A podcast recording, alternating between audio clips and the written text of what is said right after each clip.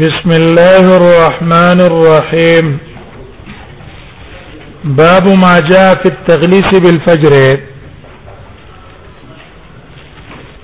باب بیان د احادیثو کې چراغلي دي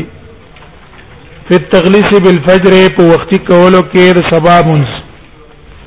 چې سار مون سره په تیاری کې وکی نو هغه حدیث بیان دی د علماء اختلاف دی چې آیا د سار مونږ اول ټیم کې په تیار کې کول بهتر دی او که په اخر ټیم کې رڼا شکل راشي او به د سار مونږ ادرول شي دا بهتر دی د عام جمهور علما قول لا ده چې مونږ په تیار کې کول بهتر دی استدلال نیولم په دې حدیث د عائشه رضی الله عنها چې رسول الله صلی الله علیه وسلم به سار مونږ کو او متلفعات بمروتهن ما يعرفن من الغلس څادرونه به ځان ته تاو کړو تیار د وجنه بچانه په جندل چیرې دا شړې ده کدا خزره دین استدلال نه ولا په حدیث د ابي برزه ابو داود کې مسویلو چې رسول الله صلی الله علیه وسلم وکانه وکانه صبح يصلي بغلس وې نبی صلی الله علیه وسلم با مونږ په تیار کې کوو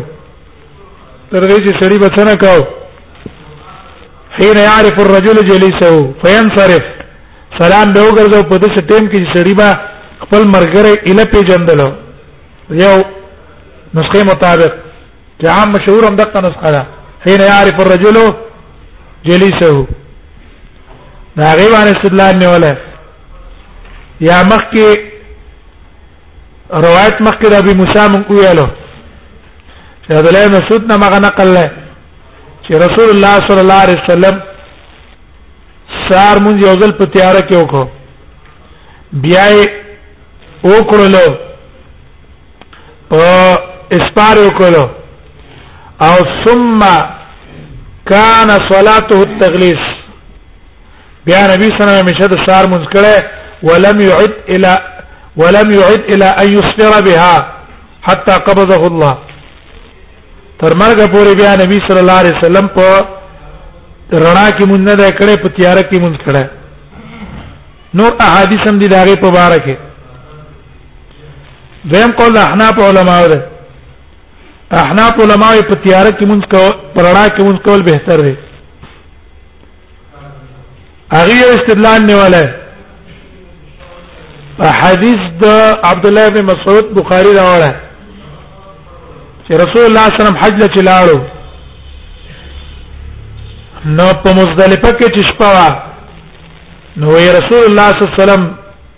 صلى الفجر في غیر وقت الذي و اسار مونږ او کو نبی صلی الله علیه وسلم په غیر د هغه وخت نه چې په موقاتو کې کاو په هغه موقاتو کې چې کم ټیم کې رسول الله صلی الله علیه وسلم سار مونږ کاو په مزدلفه کې رسول الله صلی الله علیه وسلم څوک کړو دا د سار مونږ د خپل وخت تمکه وکړو ودا خو معلومه ده چې رسول الله صلی الله علیه وسلم په مزدلفه کې د وخت تمکه خو نه کړای چې د وخت راغله نه او کړی خو پس د سبا نه کړه نو چې پس د سبا نه کړه ده خدای په تیار کې وکړو نو معلوم شو چې دا نور منځونه څه کړی دي د په اسپار کې کړی دي په اسپار کې دویم استدلال نه ولای پلاندینی باب باندې چې امام ترمذی رستوراوري باو ماجا فل اسفار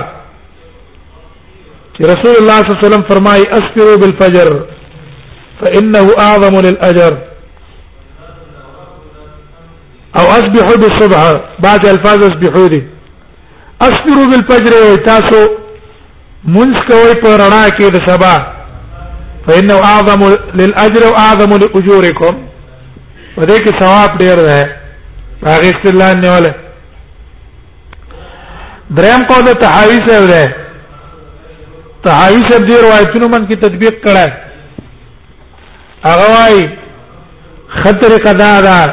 چې سړی په تغلیس کې ودرېږي او سلام په اسپار کې وګرځي اوګر قرت بکې ابتدا به په تغلیس کې کې او سلام به په کم ټیم کې ګرځي اسپار کې به ګرځي لیکن د تحاوی دا قول دغه حدیث د ابي برزه سره موافق موافقت نه خوري چې رسول الله صلی الله علیه وسلم وایي او دا نه حدیث د عائشه سره موافقت نه خوري چې يصلي ما يعرفنا من الغلس وي نبی صلی الله علیه وسلم به څوکړلو لا ينصرف النساء فينصرف النساء فتم متلففات بمروتهن ما يعرفنا من الغلس نبی صلی الله علیه وسلم سلام په کم ټیم کې ګرځوله په تیار کې ګرځوله پرانا کې نه ګرځوله دا دیو جن دا قول دې څه تطبیق نه خوري په دې کې راځي قول جمهور علما ده چې دا اول ټیم کې د سار مون بهتر ده احناف چې په کوم روایت باندې استدلال نه ولا ده عبد الله ابن مسعود دا حدیث مقصد دا ده چې عام اوقاتو کې د رسول الله صلی الله علیه وسلم عادت ده چې کله به سبا را اوختو د سبا را ختونه بعد بدون انتظار کو چې یو سړی او د سمات لاړ شي او د سمات کی به او د سکی او د او د سن بعد برکات سنت کی دون انتظار به رسول الله صلی الله علیه وسلم په عام ورځو کې کو لیکن په مزدلفه کې رسول الله صلی الله علیه وسلم د انتظار نه کړه چې څنګه سبا را ختلې ده اول ما طلع الصبح اذن اذان وکړو سنت وکړو پس پخیم ته ما سار مانځه ته ودرېدو دا مطلب دی ارچ حدیث د اسبحو ده اسبرو ده د دې چا جواب کړی چې دا منسوخ شوی دی یو جواب څه دی یو جواب د نسخ دی چې دا حدیث منسوخ شوی دی د وجه عمل د رسول الله صلی الله علیه وسلم نه مخکې تیر شو کنه فلم یعد ان یسبر به وی نبی صلی الله علیه وسلم پرانا کنه نه کړه حتا قبضه الله دویم جواب دا ده اسکرو دا معنا نه ده چې تاسو پرانا کې وکي نه اسکرو خپل معنا ده اسبحو بالصبح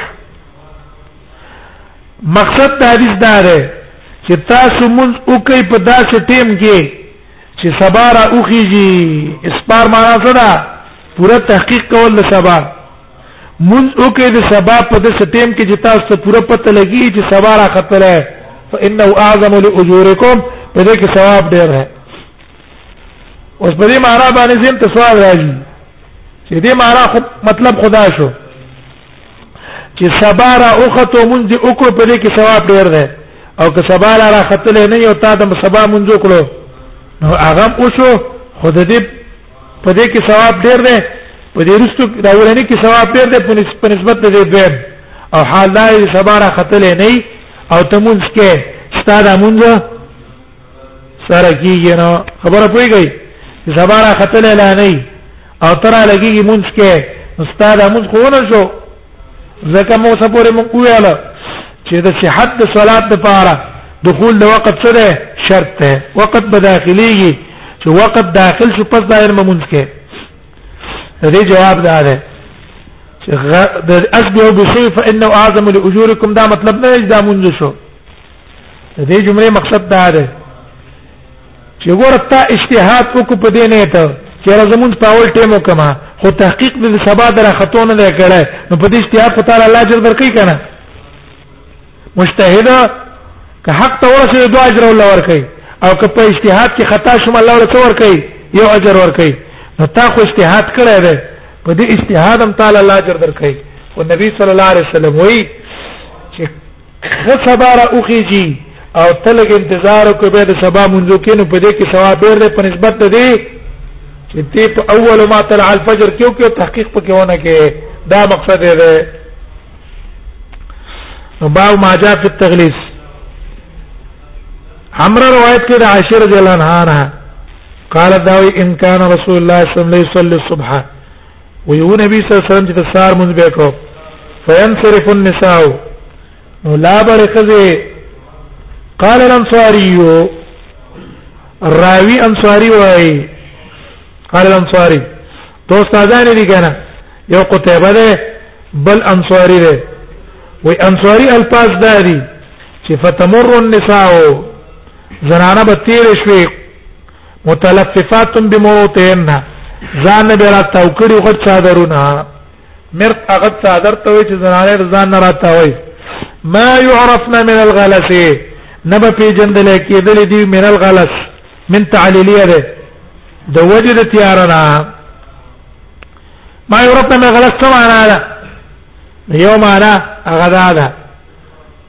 چې نه به پیژندل کېدلې چې هر دا شکل شبه چې کما کنه شبه د سړی د که خزه ده چې روانه ده ایا دا خزه ده کدا سړی ده دا پته ونه لګېدله لکه په تیار کې وطن روانې شي ته پته لګي دا خزه ده او که سړی ده ولیکن چې لګه غونډه کرنای شي ته پته لګي چې دا خزه ده ځکه چې پړونه ورغه چولې ده او دا سړی دی ځکه پړونه نشته معنی اسی اشباح به تخکار کېدل اشباح خاص اسی شکل به تخکار کېدل شبهه نور به تمیز نشو کوله دیمه معنی چې ادا کړی دا چې ما یعرفنا من الغلس نبا پی جندل کې دلی په دې شړو کې د وجه تیارنا اېدا پته باندې لګېدل چې دې بازار باندې کم صادر چولې نو پته باندې لګېدل چې یاره دا صادر پړونه چې چولې دا برقه دا پړونی والا زنانه زینب ده که خدیجه ده او که رقیه ده او که فلان ده او که فلان ده دا پته باندې لګېدل نه پړونی د وجه نه خو په دې معنا باندې بیا امام نووي رد کړه وای دا معنا ځکه صحیح نه ده چې زنانه په پړونه واچي هغه په ورځ کې پته نه لګيږي او خدي په لار باندې رواني منګه څو څه پیژنې چې دا څوک ده دا څوک ده مونږ نه پیژنو کنه نو دا منل غلط قید لګول څه پیدا شو بیا د دې څه پیدا نشته د امام ترمذی په دې دوه معنا د امام نووي په دې دوه معنا باندې رد کړي ها امام ابن حجر حافظ ابن حجر رحم الله هغه وايي چې رد ته ضرورت نشته احتمال پکې شته هغه دا چې بعض وخت سړی خزه جسم نم پیژنې کنه مثلا موږ تاسو یو خزه پیژنو نو کاری پرونه مچولې خو چې د سې تیر شي موږ ته پته لګي دا پلان کې دا پلان کې دا پلان کې دا هغه د څنګه پیژنو د دې شی به د هيئت نه پیژنو چیرې دا رفتار او د هيئت او د شبه د چا دا دا د پلان کې دا دا د پلان کې دا دا غوښنه احتمال د معنا په کې څه شته په کې شته چې ټیک د صرف پته لګیدل پړونو هنور پکې د شی بنه نه معلومېدل چې دا بدن د دې اندازه باندې هيئت او بدن چې کوم دی دا د پلان کې دی دا د پلان کې دی د نو په جندل کې درې نه ما يعرفنا من غلط وقال قتيبه او قتيبه استاد متلففات ته متلفعات ویل دی متلفعات هم یو معنا ده ځان نه پوری ته وکړو وایثبات نو حدیث کار ده د نبی سم په زمانہ کې به زنانه مانځه تراتلې مانځه ته دویم ته دا معلوم شو چې نبی صلی الله علیه وسلم سار مونږ وختي کړه به ګوره دی حدیث کې دي چې ما یو عرفنا نه معلومه ده لیکن حدیث د ابي برزه کې دی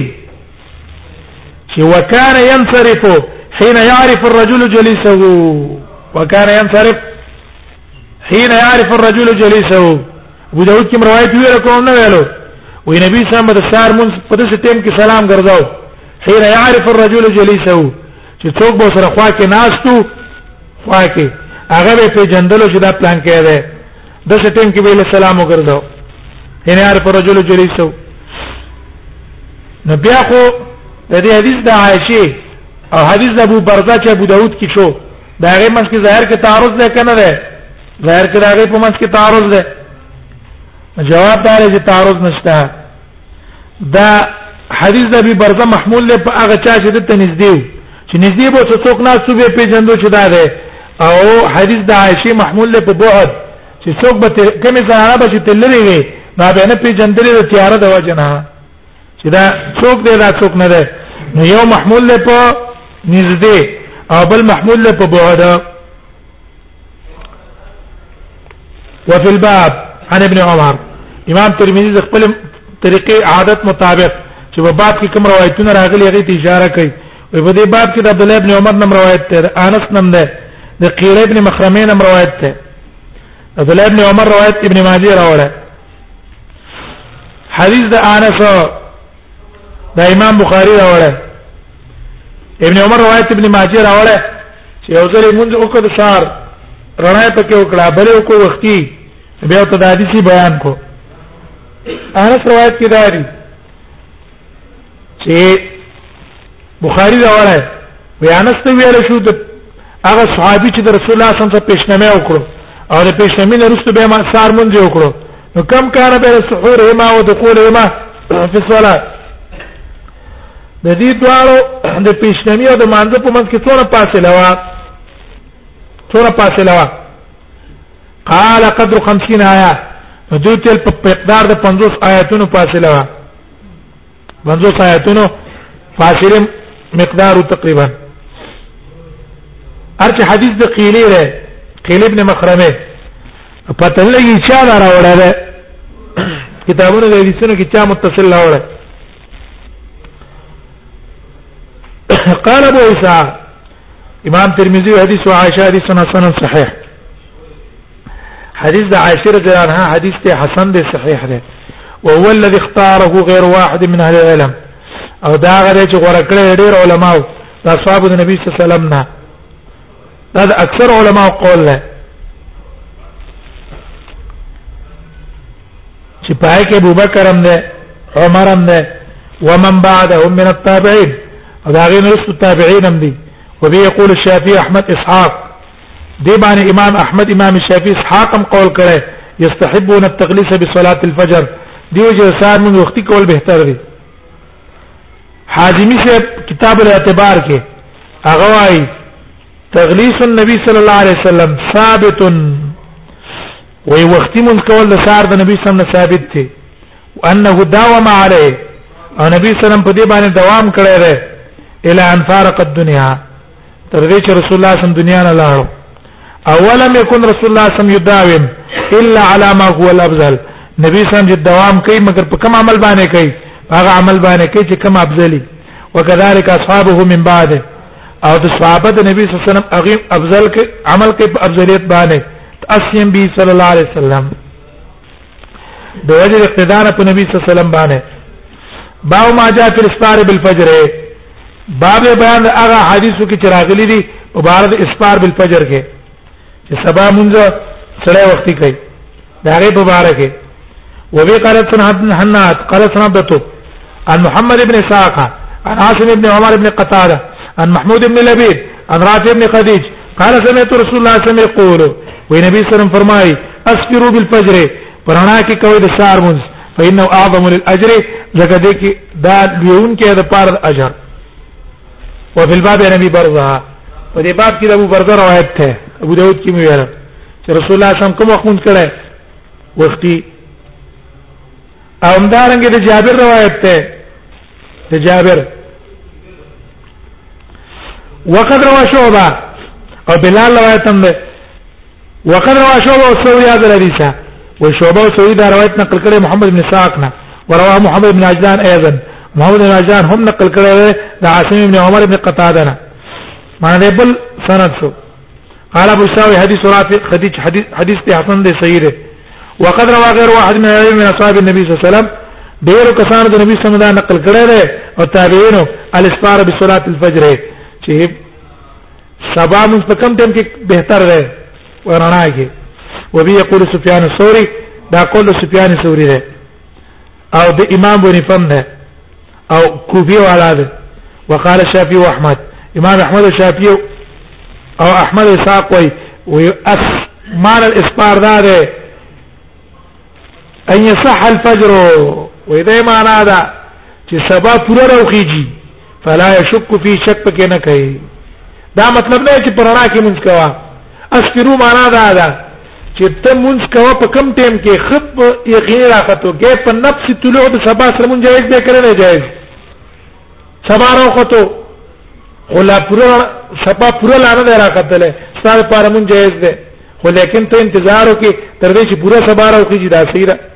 فلا شک فيه ولم يروا ده او ده نه دلیدلې چې ان معنی الاسفار تاخير الصلاه چې د اسفار معنا دا ده تاخير الصلاه چې ته په مانځ کې څوکي رستواله راواله صلی الله علیه محمد